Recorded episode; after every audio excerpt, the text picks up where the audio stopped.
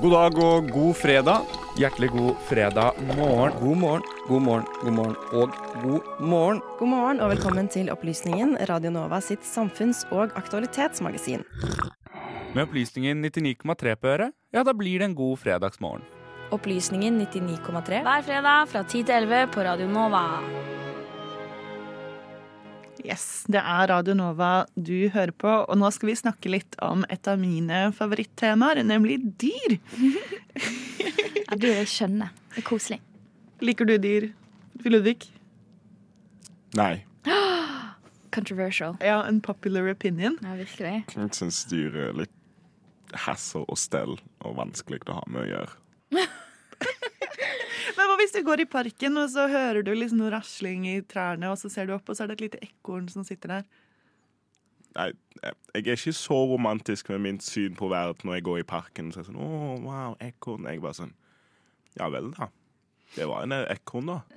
Men, men hvis noen hadde sagt til deg sånn eh, Fra og med i morgen så fins ikke ekorn. Hadde du ikke liksom blitt litt lei deg?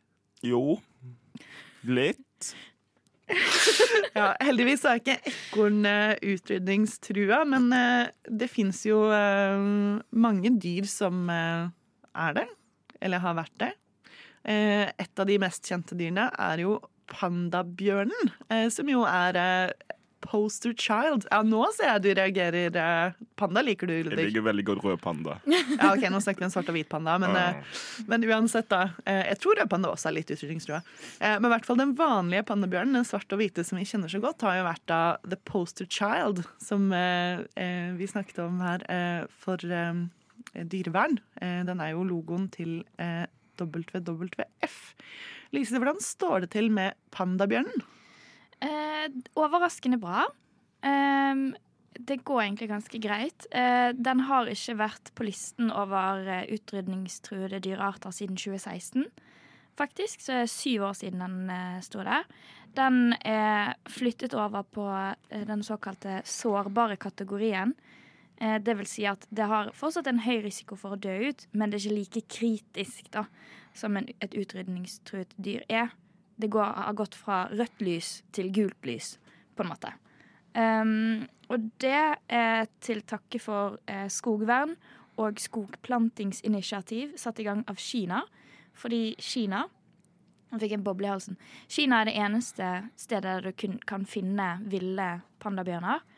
Eh, og ifølge da WWF så er det nesten, eller omkring, omkring 2000 ville pandabjørner i forskjellige reservater over hele Kina. Og selv om det ikke høres så voldsomt mye ut, så vil jeg bare påpeke at i 2004 da var det bare 1500 pandabjørner igjen i in the wild.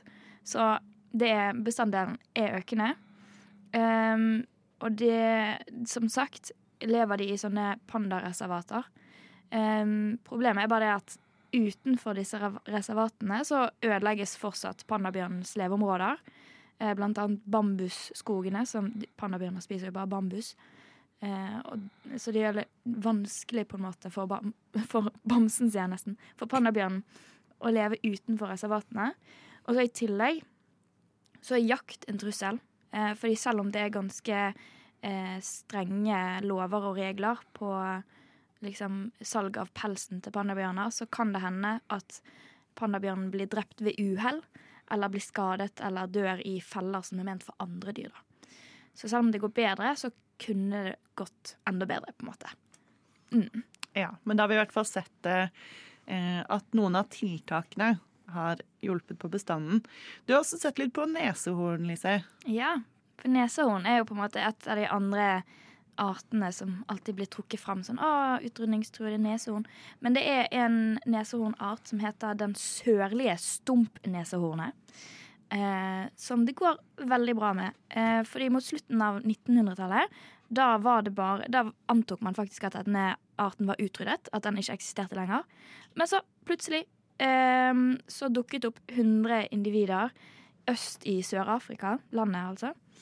Eh, og disse ble godt beskyttet, og etter flere eh, Etter et, over et århundre med godt planlagt naturforvaltning, er det faktisk eh, nå over 20 000 av de som lever i beskyttede områder i syv forskjellige land sør i Afrika.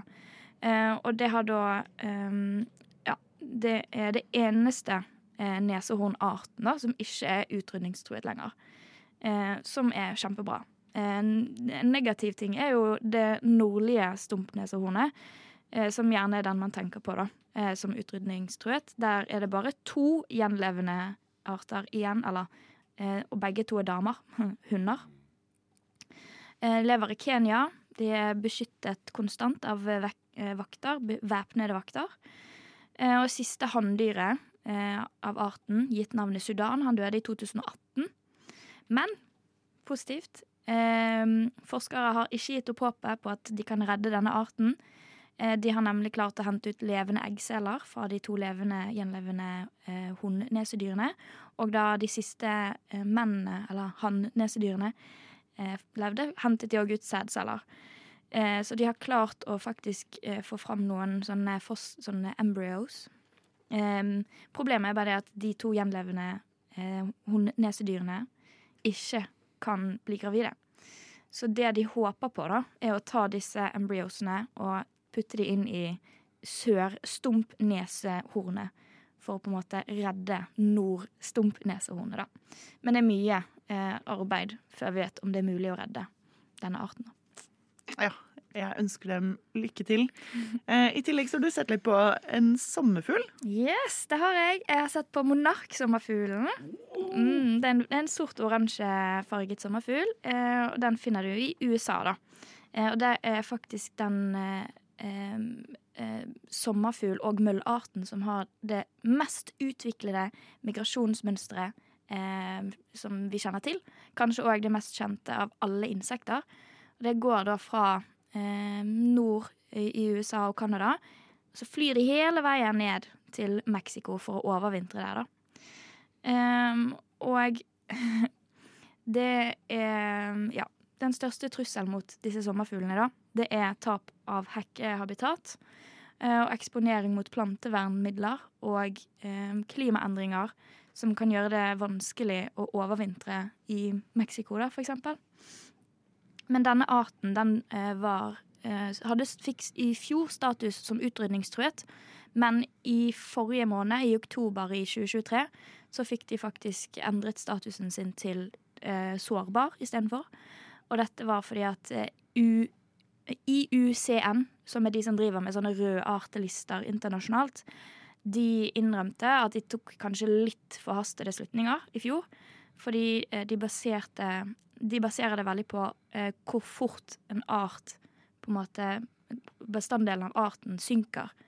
Eh, og i stor grad var dette basert på observasjoner fra befolkningen i USA og i Mexico. Eh, og det er alltid litt sånn usikkert om dette faktisk stemmer. Eh, så de fant ut av at nei, det er kanskje litt mindre drastisk enn det vi trodde fra før, men arten er fortsatt veldig sårbar. Eksempel eh, mot sånne eh, såkalte freak accidents. Eh, for det kan hende at når sommerfuglarten da overvintrer i Mexico, så kan hele arten klynge til ett tre. Eh, og hvis dette treet da velter i en vinterstorm, eksempel, så, så forsvinner nesten hele arten i løpet av én freak accident. da. Så selv om den ikke er utrydningstruet lenger, eller har status som utrydningstruet, så er den fortsatt veldig sårbar. Har vi noen eksempler fra Norge? Å ja da, det har vi. I Norge eh, så har vi faktisk eh, klart å få opp bestanddelen til otere. Woohoo! Otere de lever langs hele norgeskysten, finner, eh, men du finner mest av de i Nord-Norge.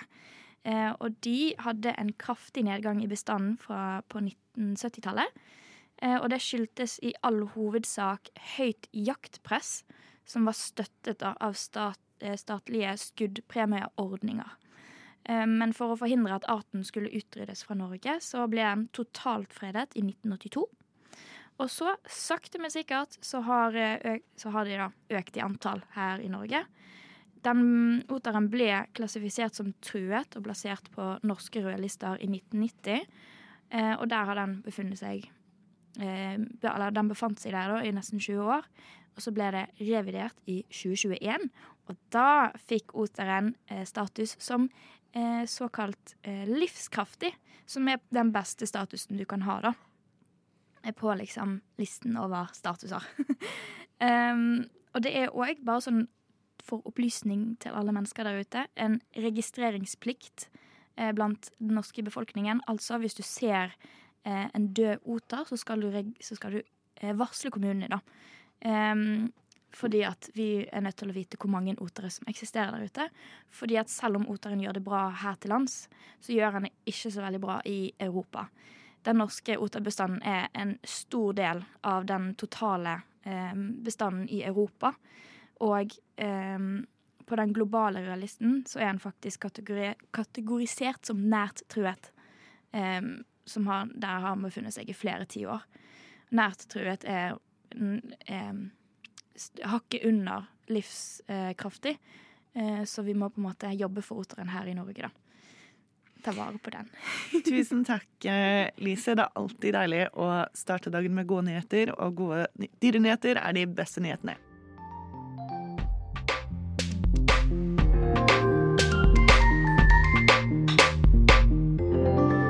Du har hørt på en Radio Nova-podkast. Du finner flere podkaster i din foretrukne podkastavspiller eller på vår hjemmeside radionova.no.